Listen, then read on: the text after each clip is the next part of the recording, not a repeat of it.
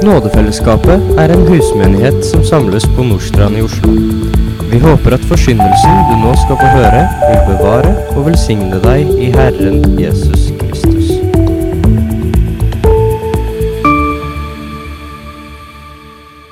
Vi leser disse versene i slutten av Matteus kapittel 11, fra vers 25. På den tiden tok Jesus til orde og sa:" Jeg priser deg, Far, himmelens og jordens Herre, fordi du har skjult dette for vise og forstandige, men åpenbart det for umyndige. Ja, far, for slik skjedde det som var deg til behag. Alt er overgitt til meg av min far, og ingen kjenner Sønnen uten Faderen. Heller ikke kjenner noen Faderen uten Sønnen, og den som Sønnen vil åpenbare det for. Kom til meg, alle som strever og har tungt å bære, og jeg vil gi dere hvile.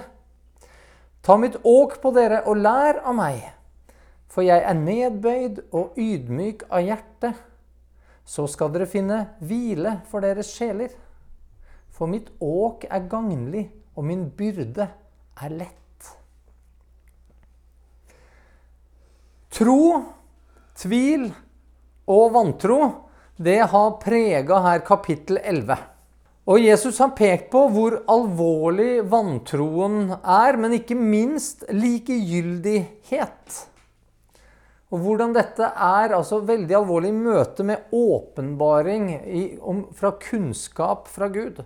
Og Noen ganger så møter vi mennesker som vi kanskje kan kalle store i kjeften. Eller så sier vi at noen de bare har det i kjeften. Og de har altså store ord, men de har ingen gjerninger som backer opp disse ordene. Og deres oppførsel den kan gjerne være litt sånn breial. Eller eh, på engelsk ville vi sagt litt cocky. Gud han har alltid stadfesta sine ord gjennom kraftige gjerninger. Han har altså ikke overgitt oss til å bare tro på sånne vilkårlige, store ord. Det er alltid backa opp av noe. Det er aldri snakk om en blind tro for en kristen. Han har altså bevist at han ikke bare har det i kjeften. Og bevisene de er så sterke at Gud han befaler alle mennesker alle steder at de skal omvende seg, sier Bibelen. Og det å ikke bry seg om hva Gud sier eller gjør, ikke bry seg om hva han vitner om at han har gjort i historien, det er toppen av menneskelig arroganse. Det er den type stolthet som Bibelen i Jakobs brev 4 sier at Gud står imot. Og det handler ikke om hvor mye du rent teoretisk tror eller, eller ikke tror. Det handler kun om én ting. Forholder du deg slik til det Gud har sagt og gjort, på en slik måte at det får helt konkrete konsekvenser i livet ditt, eller ikke? Skaper et møte med det Gud har sagt og gjort, omvendelse i ditt liv eller ikke? Det er spørsmålet. Gir du Gud rett, og underordner du deg derfor hans vilje? Det spiller ingen rolle om du tror mye eller lite. Om din kunnskap om Gud er stor eller liten. Jo, for all del, vi ønsker gjerne at dere skal få stor kunnskap. Vokse i kunnskap, vokse i tillit osv. Men til sjuende og sist så er det ikke de tingene vi blir målt etter. Røveren på korset og Nikodemus de var sannsynligvis en hel verden unna hverandre, både i intellekt og i kunnskap. En verden unna hverandre i hva de evnet å tro på ut ifra det de altså visste om. Og slik sett altså Mengden med tro var forskjellig, om du vil. Men han, Gud han gjør altså ikke forskjell på folk. Og begge disse to omvendte seg i møte med Jesus. De trodde på han, og så fikk de akkurat samme frelse. Samme frelse. Det ble nok for dem begge. Dette er skrevet på en litt sånn annen måte, om du vil, om Guds gave og nåde til israelsfolket når de vandra i ørkenen. Fordi Gud ga dem en gave. Han ga dem manna fra himmelen. Han, han ga dem noe ufortjent mat fra himmelen. Og det blir gjort et poeng der i 2. Mosebok 16 av at de som hadde samla mye, og de som hadde samla lite, De fikk begge likevel akkurat nok til det de trengte. Det sto altså ikke på evnen mennesket hadde til å samle, evnen til eget arbeid, men kun på Guds evne til å velsigne, Guds evne til å gi. Menneskelige evner og begrensninger betydde ingenting. De som har mottatt mye fra Gud, men forblir likegyldige til det, de vil motta strengest dom av alle, sa vi på forrige søndag. Slike kan tro, men det finnes altså typer av tro som er unyttige eller forgjeves, sier Bibelen. Det blir som med de som altså trodde, kan du si, og dermed så gikk de ut og så samla de inn manna. Men likevel så ville de ikke gi Gud rett. Fordi Gud hadde sagt du skulle bare samle inn til den ene dagen. Men disse folka de ville samle inn til litt flere dager. Den nåden de hadde samla på, om du vil, eller den mannaen som de hadde da prøvd å samle på til dagen etterpå, den ble dårlig. Det gikk mark i den. Den begynte å lukte ille. Og det var nærmest som et synlig tegn på disse menneskene sin vantro og arroganse. Noen som har hatt mindre forutsetning for å omvende seg fordi de mangla åpenbaring eller kunnskap eller evner, og likevel mennesker som altså har levd mer, vesentlig mer syndig liv, kanskje, de vil likevel få det lettere i dommen. Dette er altså på en måte en litt sånn gjennomgang av det vi snakka om forrige søndag. Og med akkurat det som bakteppe, så er det at Jesus han liksom bryter ut i lovprisning. Han bryter ut i en lovprisning. og det er, det er, liksom litt sånn rart, for det er så alvorlig, dette bakteppet. Og så, og så sier Jesus, 'Jeg priser deg, far, himmelens og jordens herre, fordi du har skjult dette for vise og forstandige, men åpenbart det for umyndige.' Hva er det egentlig vi leser om her? Hva, hva er det som skjer? Jesus han står og fryder seg. Han gleder seg over noe. Han lovpriser Gud, sin far. Og vi kan umiddelbart bli litt sånn paff av grunnen for Jesu glede. For det synes å handle om at Faderen har skjult noe for vise og forstandige. Og dette han har skjult, det er ikke hva som helst. Det er ting som fører til om du blir frelst eller ikke. For Jesus har nettopp snakka om dom. sant? En kan altså begynne å lure på om Gud aktivt skjuler kunnskap mennesker trenger for å bli frelst. En kan begynne å lure på om det å være født med god intelligens, at det er en ulempe. Og så er likevel en slik forståelse ganske umulig å ha dersom Bibelen skal få lov til å tolke Bibelen for oss. I 1. Timoteus brev så vitnes det om at Guds vilje er at alle mennesker skal bli frelst og komme til sannhetserkjennelse. Og da må du ha kunnskap. Og dersom det er Guds vilje at alle skal forstå sannheten, så kan han vel ikke holde tilbake igjen sannheten fra noen? Da kan vel ikke Gud skjule noe for en bestemt gruppe mennesker og åpenbare det for andre?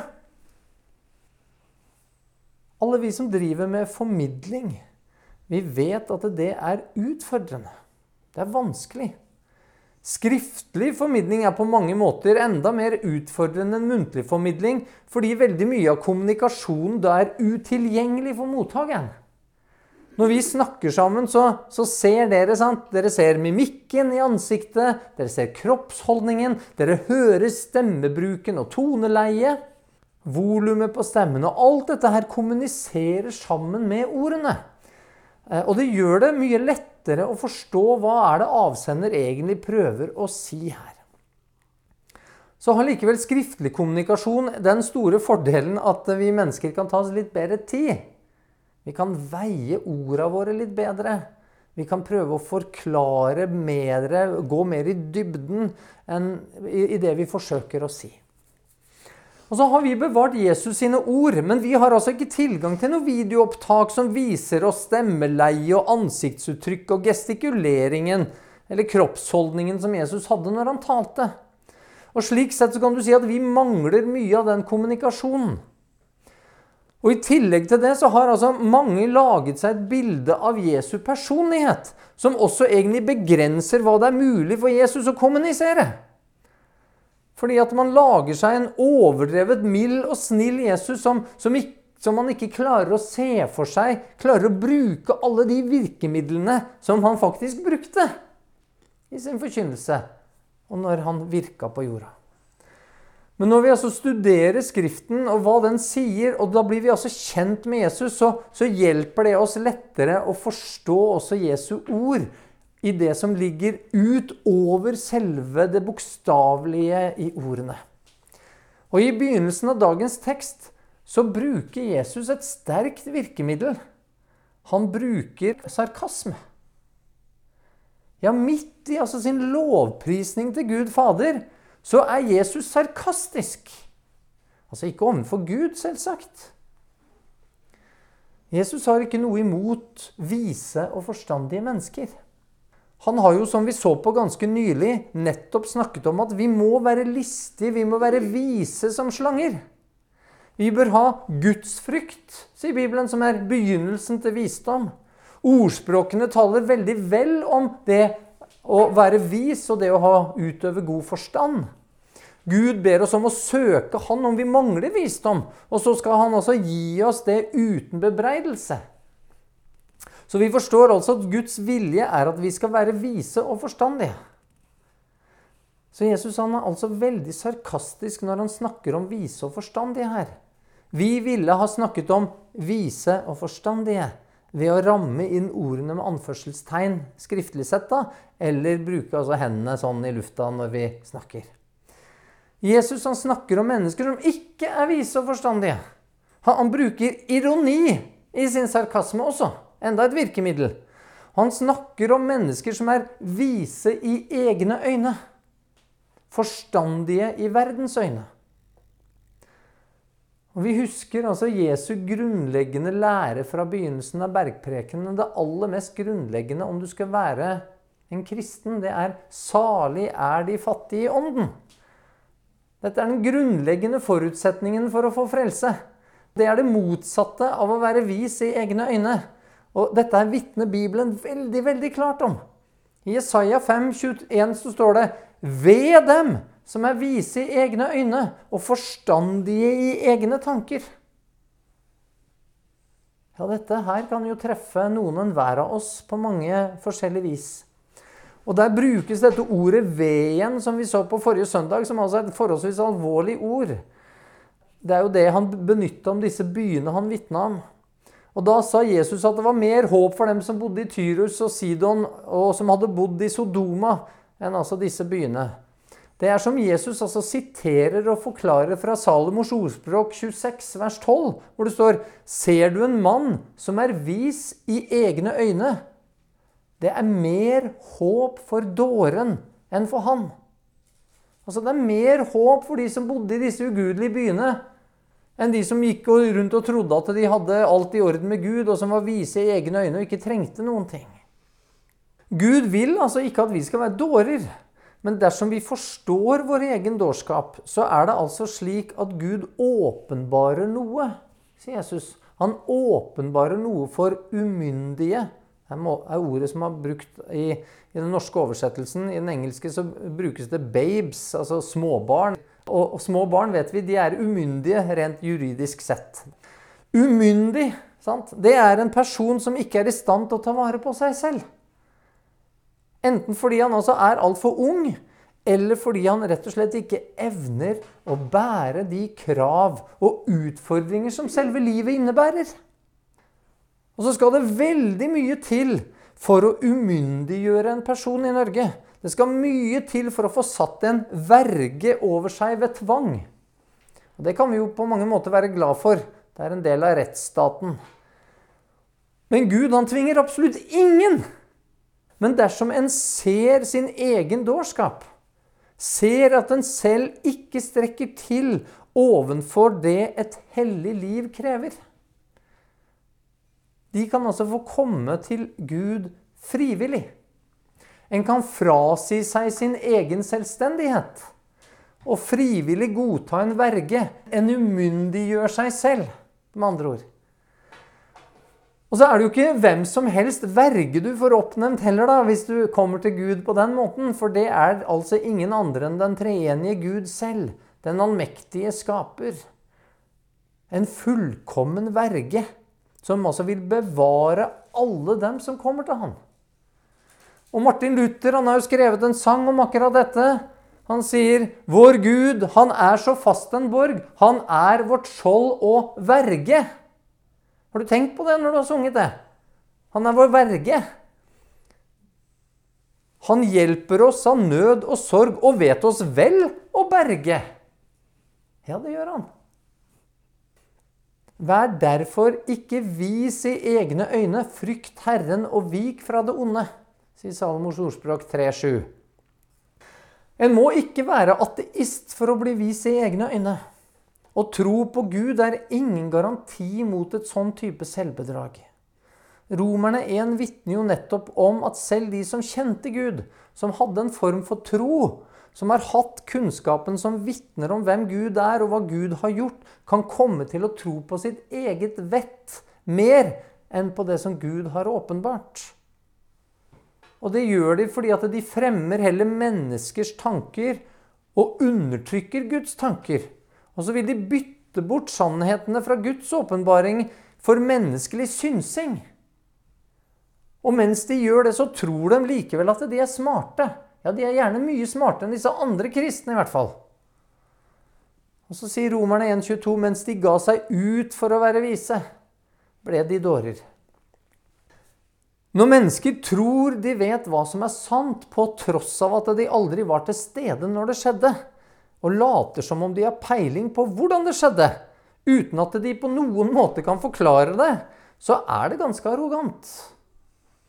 Når menneskers antagelser blir holdt for mer troverdig enn vitnesbyrdet fra han som både var til stede, og som har all kunnskap om hvordan det skjedde, så er det arrogant. Du kommer ikke unna det. Når slike menneskelige antagelser også ødelegger Guds karakter og troverdighet, da er dårskapen blitt fullkommen. Visdom i egne øyne kan aldri bli høyere enn blant mennesker som har tilgang til Guds åpenbaring, men som avviser den basert på egne gjetninger og antagelser. Og Det er derfor det er en så tydelig sammenheng, og gjerne kort tidsrom, mellom et folk og en kirke som slutter å tro på Guds historiske åpenbaringer, fram til de altså forkaster Guds bud og resten av åpenbaringen også. Og Slike er ikke fattige i ånden. De, de synes å ha glemt disse ordene i Jesaja 55, vers 8-9. For mine tanker er ikke deres tanker. Og deres veier er ikke mine veier, sier Herren. For som himmelen er høyere enn jorden, så mye høyere er altså hans veier enn våre veier, og mine tanker høyere enn deres tanker. Altså hvis vi, hvis vi går rundt og innbiller oss at vi vet bedre, da er vi arrogante. Og så gleder Jesus seg i dagens tekst. Midt i sin sarkasme og ironisering over mennesker som tror de vet bedre enn Gud, så gleder Jesus seg over at det er mennesker som er slik, som tror de vet bedre enn Gud, at det er nettopp slike mennesker som sannheten vil være bli skjult for. Dette gleder Jesus seg over. Ja, han fryder seg over at de som er fattige i ånden, og som gjør Gud til sin verge, at de får åpenbart sannhet. De får ta del i dype hemmeligheter. Jesus er glad fordi dette er i tråd med Faderens vilje og hensikt. Det er akkurat det han sier. Ja, far, for slik skjedde det som var deg til behag. Gud gleder seg over akkurat dette. Jesus han priser Faderen for at han har laget det slik. Gud han tilbakeholder ikke informasjon fra noen. Han skynder jo derimot på sine sendebud for å spre budskapet over hele jorden, til alle stammer, folk og tungemål. Men de som avviser Guds vitnesbyrd og tror de vet bedre, de blinder seg selv. Og så er det jo også mer alvorlig enn det. For Guds ord er tydelig på at slike står under Guds dom. De som forkaster sannheten, de for åpenbart blir overgitt til et formørka sinn, står det. Formørka forstand. Et udugelig sinn. I Johannes kapittel 12 så siterer Jesus fra Jesaja kapittel 6 og sier Han, altså Gud, har blindet deres øyne og forherdet deres hjerter.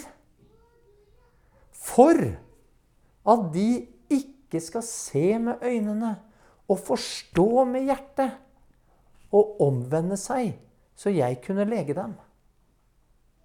Og dette er alvorlige ord når vi snakker om en Gud som vil at alle skal komme til sannhetserkjennelse. Og så er det likevel den samme Gud som ovenfor noen mennesker som tror de vet bedre enn han, forherder deres hjerter og forblinder deres øyne som en del av dommen for at de ikke skal kunne omvende seg. Og det er det samme som å si at de går fortapt. Et hjerte som altså ikke evner og heller ikke vil omvende seg. Og dette er altså alvoret det er ved å sette egne tanker over Guds tanker. Og Samtidig så vil det mennesket som erkjenner at den er fattig i ånden, vil bli lykkelig, sier Jesus. Den umyndige blir gitt visdom i rikt mål. Guds design av virkeligheten gjør at menneskers eget hovmod skjuler sannheten for dem. Og Jesus han gleder seg over hvordan Guds vilje på denne måten skjer. Gleder seg over hvordan Guds dom dermed blir rettferdig. Men jeg tror også at han gleder seg over at når dette blir skjult for dem, så vitner det om Guds nåde også. Fordi slike dermed settes ute av stand til med viten og vilje å bryte enda mer av Guds sannhet. Og på den måten så bevarer Faderen slike fra en enda strengere dom. For det har jo nettopp Jesus snakka om. De som hadde mer og mer og mer kunnskap, de får strengere og strengere og strengere dom. I versene rett før. Paulus han oppsummerer på mange måter disse tingene når han i 1. Korinterbrev 1.26-27 skriver Brødre, legg merke til det kall dere fikk. Ikke mange vise etter kjødet ble kalt, ikke mange mektige, ikke mange av høy ett. Men det dåraktige i verden, det utvalgte Gud seg. Hvorfor? Jo, for å gjøre det vise til skamme. For å gjøre det vise til skamme. Jesus han fryder seg over at Gud på denne måten vil herliggjøres og få ære. Bare tenk deg når de som opplevde seg som vise i denne verden, enten de, enten de kalte seg altså ateister eller religiøse eller kristne Og så står de for Gud, og så må de gi Gud rett i at jo, han skapte jo på seks dager. Han skapte dyrene hvert etter sitt slag og ikke fra en eller annen felles stamfar som utviklet seg gjennom lidelse og død. Når de må gi Gud rett i at flommen den ramma verden, den, den dekka de høyeste fjell. Akkurat som han har sagt. Og når de forstår at de som forkynte evolusjon og millioner av år bytta bort Guds uforgjengelige herlighet med et bilde av død og lidelse blant dyr og mennesker, på tross av at de hadde jo ikke peiling på det de snakka om. Overhodet ikke. På tross av at han som faktisk skapte og dømte, sa akkurat hvordan han gjorde det. Og når de forstår at deres i anførsel da, visdom utløste den fullkomne dumskap, den fullkomne sivilisasjonskollaps, der mennesker bytta bort det naturlige samlivet seg imellom og de gudskapte ordningene for kjønnene, og begynte å tro at følelser kan overstyre biologi. Og Da tror jeg ikke du står der og føler deg veldig vis lenger. Disse vil altså stå igjen som de dummeste av de dumme i hele verdenshistorien. Og den umyndige kristne, som altså har blitt håna og latterliggjort av slike for sin naivitet og dårskap, ja, dem kan vente seg full oppreisning. For hvert kne skal altså i sannhet bøye seg og erkjenne at Jesus er Herre. Og det vil ikke finnes noen teolog som lenger skal kunne si at Bibelen hadde et innhold som er på nivå med eventyr. De vise i egne øyne skal bli gjort til skamme. Det er det Paulus skrev. Og Jesus han fryder seg. Ikke over at mennesker som av den grunn går fortapt, altså, men fordi Gud herliggjøres.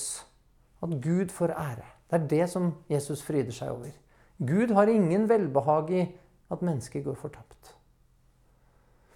Men Jesus han fryder seg også fordi alt er overgitt til meg av min far. Og ingen kjenner Sønnen uten Faderen. Heller ikke kjenner noen Faderen uten Sønnen, og den som Sønnen vil åpenbare det for. Jesus han fortsetter her å forklare hvorfor de vise i egne øyne vil bli til skamme. Dette er egentlig bare en fortsettelse og en forklaring på dette. Og det er en veldig dyptgående egentlig forklaring, og samtidig en veldig enkel forklaring som Jesus kommer med her. Alt er overgitt til meg og min far, sier Jesus. Det betyr all kunnskap, all makt, all autoritet og all dom. Jesus sidestiller seg selv dermed med Gud. Og så bruker han ikke en sånn kollektiv beskrivelse av Gud som far. Slik altså Gud kunne være far til israelsfolket. Men han bruker far på en personlig måte, slik som ingen jøde ville gjort det. Og dette her var ikke mulig å misforstå. Og jødene de hadde tidligere forsøkt å steine Jesus for å si tilsvarende. Jesus han forsterker dermed det han allerede har vært tydelig på i forhold til Johannes døperen, som han altså sier er en oppfyllelse av profeten om, profetien om Elia. For hva er det egentlig den profetien sier i Isaiah 40? Den sier 'Rydd i ørkenen vei for' For hvem da? For Herren. Gjør i ødemarken en jevn vei for hvem? Jo, for vår Gud. Så når Jesus er den Johannes kom for å rydde vei for, og Johannes er den som er blitt profetert om, så betyr det at Jesus sier 'Jeg er han, jeg er Gud'. Det går ikke an å si det tydeligere enn det. Så sier Jesus at det er umulig å kjenne Gud ved hjelp av menneskelig visdom eller verdens kunnskap. Og Det er derfor dette er så viktig, det jeg nettopp har snakka om, at det blir skjult for vise og forstandige. Nei, for ingen kjenner Faderen, sier han. Ingen kjenner Faderen. Det finnes altså ikke et eneste menneske som kan kjenne Gud. Ikke en eneste teolog som kan forske seg fram til denne kunnskapen. Ikke noen religiøse gjerninger som kan skape en relasjon til Gud. Ingen mystisisme, besvergelser eller trolldom som kan gjøre det mulig å mane fram Gud på noe som helst vis. Det er mulig å vite at Gud finnes. Det er det. Basert på skaperverket. Det er mulig å vite at han fins. Men det er altså umulig å kjenne han. Det er umulig å kjenne Gud gjennom mennesker eller natur. Det går ikke an. Og det betyr at kjennskap bare kan skje ved en guddommelig transaksjon. Ved at det guddommelige lar seg tilkjennegi for mennesker. Det må altså skje gjennom det vi kaller guddommelig åpenbaring. Og mange kan sikkert godta akkurat dette her. At Gud selv må åpenbare seg for mennesker. Men det er altså mye, mye mer sprengstoff i det Jesus sier her. For Jesus starter med å si at bare Faderen kjenner Sønnen. Sønnen kan altså heller ikke kjennes gjennom menneskelig visdom og kunnskap. Og det venner, det utsagnet er ganske mye vanskeligere å svelge for de i hvert fall som står her og, og hører på. Fordi at han er jo rett der. Jeg kan se han. Jeg kan ta på han. Jeg kan høre og lytte til han. Hvordan kan du si at bare Faderen kjenner Sønnen? Hvordan kunne Jesus, i likhet med Faderen, kun åpenbares gjennom guddommelig inngripen. Ved å si dette så gjør Jesus seg enda en gang helt lik Gud. Ser dere? Det er en veldig, veldig tydelig måte. Og hele høytiden vi går inn i, julen, vitner jo nettopp om akkurat det. Det måtte altså guddommelig inngripen til for å åpenbare Sønnen for verden. En jomfru ble med barn. Det er ikke mulig. Jesus indikerer altså at han er guddommelig. Og så forsterker han dette ved å si at den eneste som kjenner Faderen, er Sønnen.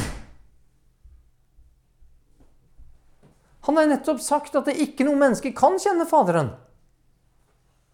Men så sier han at 'jeg kjenner han'. Da sier han 'jeg er Gud'. Ikke bare hevder Jesus altså å være guddommelig, men han hevder å være Gud selv. Og slik blir logikken som er brukt her, den blir nå fullkommen. Dersom ikke noe menneske kan kjenne Gud uten at Gud selv åpenbarer seg for et menneske, så er Jesus Guds måte å åpenbare seg på. Og Det må derfor bety at Jesus er den eneste som kan åpenbare Faderen for mennesker. Og vet dere, det er jo det Jesus står og sier her. Ingen kjenner altså Faderen uten Sønnen, og den som Sønnen vil åpenbare det for. Og dette her er det enormt sprengstoff i. Og jeg vet ikke om du har lagt merke til det, men dette er ikke bare sprengstoff for de jødene som mente at det Jesus sa her, var blasfemisk. Men det er i høyeste grad sprengstoff også i dag. Fordi hvis det er én ting verden virkelig hater ved det kristne budskapet, så er det altså Jesu utsagn om at han er veien, sannheten og livet. Og ingen kommer til Faderen uten ved han. Og det, venner, det er presis akkurat det Jesus sier i dagens tekst også. Mennesker kan ikke kjenne Gud. Gud må selv åpenbare seg for at mennesker skal kunne kjenne Han. Og måten Gud har valgt å gjøre det på, er gjennom Sønnen. Han som i begynnelsen var Ordet. Du og jeg kan ikke se og høre Jesus direkte. Og også nå så står han foran deg som Ordet. Han står foran deg som Ordet.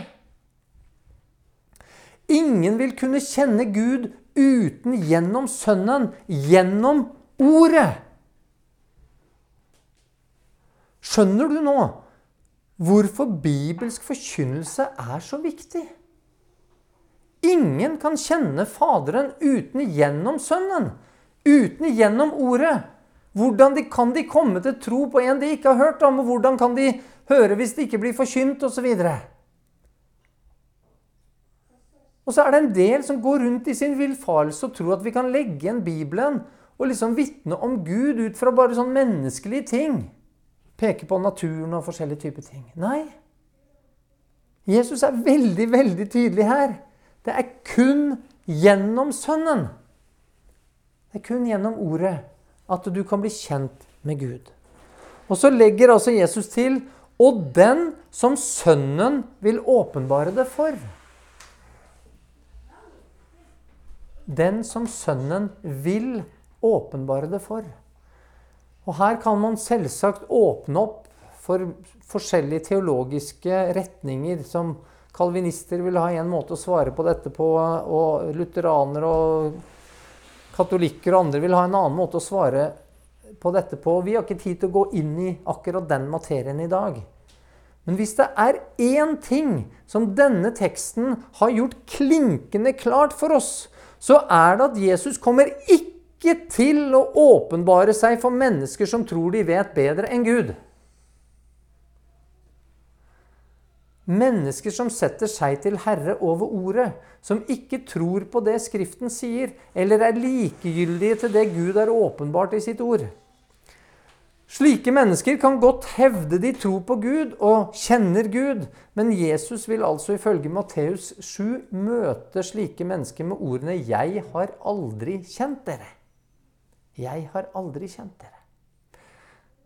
Ingen vil kjenne Faderen bortsett fra den Sønnen vil åpenbare det for. Og så vet vi hvem det er. Og om du ikke nå kommer på det eller vet det, så vil Jesus gjøre det svært tydelig for deg ganske straks. Jesus har sagt at han er Gud, og at det er bare han som kan gi et menneske kjennskap til Gud.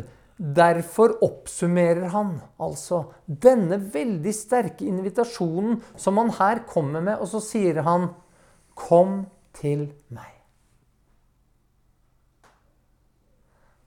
Han har nettopp altså fått folk til å sperre øynene opp så vidt det er mulig å få det. Alle disse som hørte han fortelle dommen over disse gudelige byene i Galilea. Fordi de ikke trodde på han.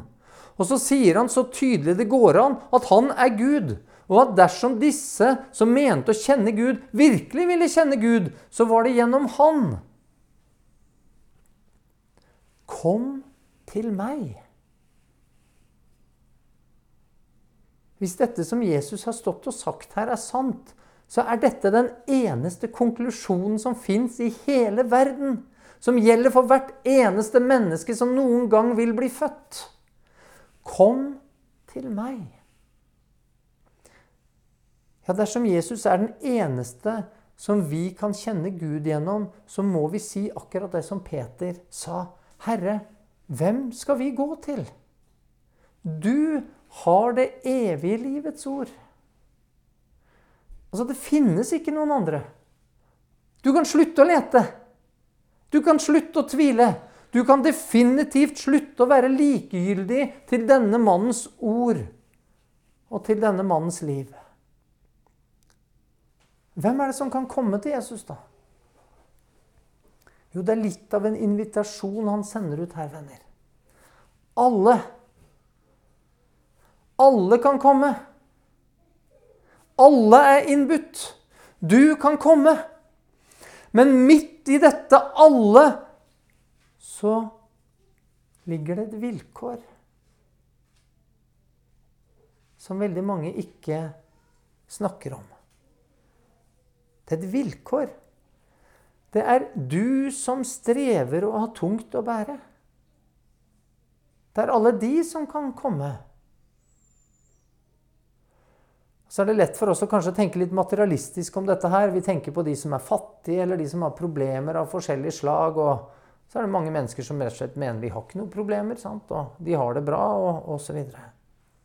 Jo, men det gjelder jo disse fattige, de som kan virkelig oppleve en del av disse, disse problemene med sykdom og alle disse tingene, for all del. Og de vil kanskje se det lettere selv. Men det er altså ikke primært det fysiske og materialistiske strevet Jesus også snakker om her.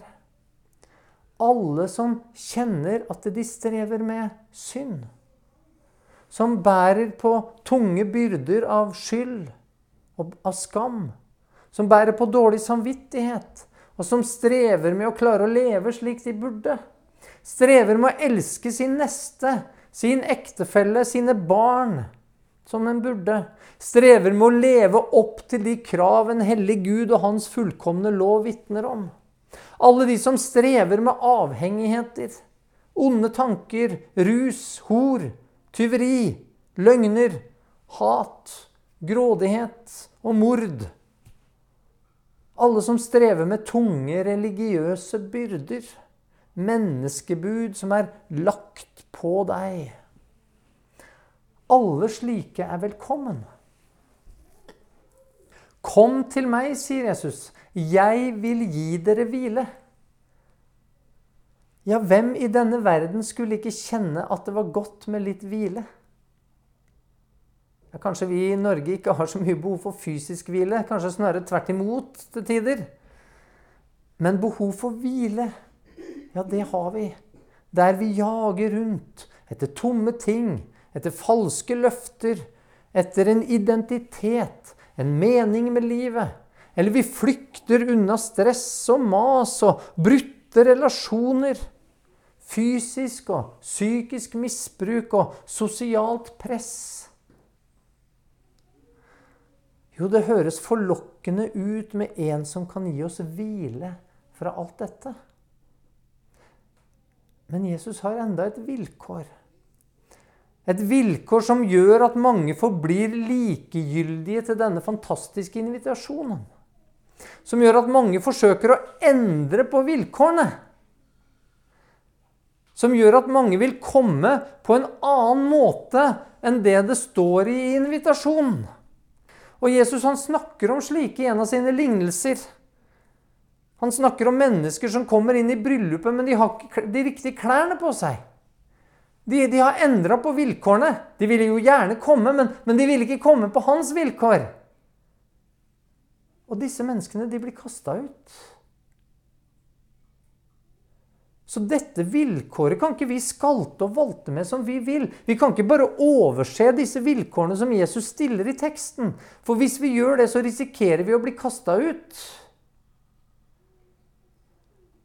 Og vilkåret er 'ta mitt åk på dere'. Og dette er et uløselig vilkår. Det er et uløselig vilkår. Det fins ikke en kristen som kan gå uten dette åket.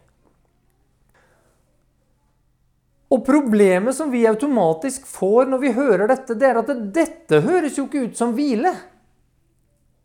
Det høres da vitterlig ut som arbeid. Mer stress. Altså, åket det ble lagt på dyret når det er på vei ut på åkeren. Ut for å arbeide. Ut for å pløye jordet. Ut for å gjøre det mulig å kunne se fram til høsten. For at det skulle i det hele tatt være mulig å kunne høste inn noe som helst. At du kunne forvente en innhøsting. Og Det betyr venner, at det Jesus sier, er at det, det gjenstår et arbeid før hvilen. Det gjenstår et arbeid før hvilen. Han forsøker altså ikke å skjule her kostnaden ved det kristne livet. I tillegg så er ikke dette et åk der man går alene. En kan altså ikke gjøre ting i sitt eget tempo, på sin egen måte. Gå til den åkeren man har lyst til der det ser eh, lettest ut, der jorda er litt mer vennbar enn andre plasser. Legge seg ned når det passer, og slappe av. Eller vende hjem før åkeren er ferdig pløyd. Nei, det går ikke. Det er Jesu åk. Det er mitt, sier Jesus. Og en satte gjerne en som hadde gått noen runder før i åkeren, i åk med en ny okse som ikke hadde noe erfaring for nettopp at det unge dyret skulle lære av det gamle. Jesus han har nettopp stått og sagt venner, at 'jeg er den eneste som gjør at du kan bli kjent med Faderen'. Det fins altså ikke noen andre du kan gå i åk med. Fordi det fins bare én som har gått lidelsens og korsets vei før. Det er bare én som har pløyd den åkeren. Det er bare én som vet hvordan det skal gjøres. Det er kun én som kan lære deg den veien. Den eneste som kjenner veien, og som vet hva det er som kreves. Ingen kommer til Faderen uten ved å gå i åk med meg. Ved å gå sammen med meg, ved å lære av meg. Det er det Jesus sier. For det må nemlig guddommelig åpenbaring til for å bli kjent med Faderen. En må lære av Gud selv. Og den undervisningen får man gjennom å gå i åk med Jesus. Gå sammen med han. Hva er det Jesus vil lære deg, slik at du skal finne hvile, da? Jo, Jesus han talte store ord, men han hadde det altså ikke bare i kjeften. Han gjorde gjerninger som underbygget hans påstander om guddommelighet. Men selv om Jesus altså kunne bruke både ironi og sarkasme, så var det én ting Jesus aldri var. Han var aldri breial eller cocky på noe som helst måte, enda ingen andre noen gang hadde hatt større grunn til å kunne være det. Når Jesus gikk lidelsens vei for din skyld, så var det fordi han bøyde seg ned fra det høye og tok på seg en tjeners skikkelse. Han ydmyket seg til det laveste av det lave, ned der i denne krybben, til og med når han ble født. Og om noen skulle kunne lære deg noe som helst om ydmykhet, så er det han. Ja, han er den eneste som kan lære deg den form for ydmykhet som trengs for å bli fattig i ånden. Jeg er nedbøyd og ydmyk av hjerte, sier Jesus. Dersom vi godtar samfunn med Jesus og lever livet i tospann med han, i åk med han, så vil det bli umulig å ikke lære av han. Ikke fordi at eh, jeg og du er så veldig lærevillige alltid. Ikke fordi vi er så veldig vise alltid. Men fordi hans vesen, hans oppofrelse, hans kjærlighet etter hvert bare kommer inn og, overvelder deg så mye at det, det, det, tvinger deg, det tvinger selv den hardeste negl til å ydmyke seg og begynne å tjene. Den kjærlighet vi møter i samfunnet med Jesus, vil få oss til å ønske å leve rett. Ønske å følge hans bud ønske å tjene han, ønske å bli den type disippel og den, det type sendebud som Jesus nå har snakka om. Et ønske om å pløye denne åkeren til den er ferdig pløyd, slik at Herren kan gå ut og høste. Ja, En vil til og med oppleve det som en ære å møte hån, spott og forfølgelse. Ja, selv dø for Jesus skyld. Disse tingene kommer ikke av seg selv. De må læres. Og de kan bare læres av én. Pga. hans undervisning og hans kjærlighet så vil det skapes mye god frukt, selv i en synders liv. Og det er jo nettopp fordi vi får gå sammen i åk med Jesus. Uten meg kan dere intet gjøre. For med en gang vi prøver å gå aleine i dette åket, så blir det ikke i balanse. Og vi vil Det er bare å prøve et sånn type åk med én okse, og den oksen vil bare kjøre til venstre eller høyre alt ettersom hvor på åket han står. Det går ikke. Det er fysisk umulig. Denne kjærlighetsreaksjonen som skapes og stadig forsterkes, da, det gjør at Jesus sine ord blir oppfylt når han sier 'For mitt åk er gagnlig' og min byrde er lett. Ja, det gjenstår et arbeid, sier Jesus, før hvilen. Men fordi dette arbeidet er drevet av en slik uendelig kjærlighet, så vil det ikke oppleves slik som et sånn type arbeid som ligger der på oss. Som noe tungt og som noe vanskelig. Den som vil endre på disse betingelsene, derimot, de vil finne at denne veien blir veldig strevsom. At den blir veldig hard. Og de vil aldri kunne klare å holde ut. De vil forlate den veien ganske raskt. Og den som ikke godtar betingelsene, vil aldri lære og aldri erfare den kjærlighet som er å finne i den relasjonen til Jesus. De vil heller aldri oppleve denne hvilen som Jesus snakker om. Den som vandrer med Jesus, blir kjent med han, og derfor så blir han altså kjent med Faderen.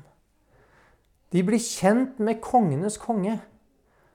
Og som de har ydmyket seg som han, tjent som han, så skal de også regjere med han. Og den som vandrer slik gjennom livet, lover altså Jesus, den vil finne hvile for sin sjel. Kjære Herre, vi takker deg for ditt ord til oss. Du er kjempetydelig, Jesus, her. Du sier det akkurat som det er. Det er kun én vei. It's my way or the highway, som vi ville sagt på, på nynorsk. Ja, Herre, så tydelig er du. Det er én vei til frelse. Det er én vei til å kjenne deg. Og Herre, du ønsker at alle skulle få gå denne veien. At alle skulle komme til sannhetserkjennelse. Herre, la det få lov til å bli slik i vårt liv at vi får lov til å gi deg rett.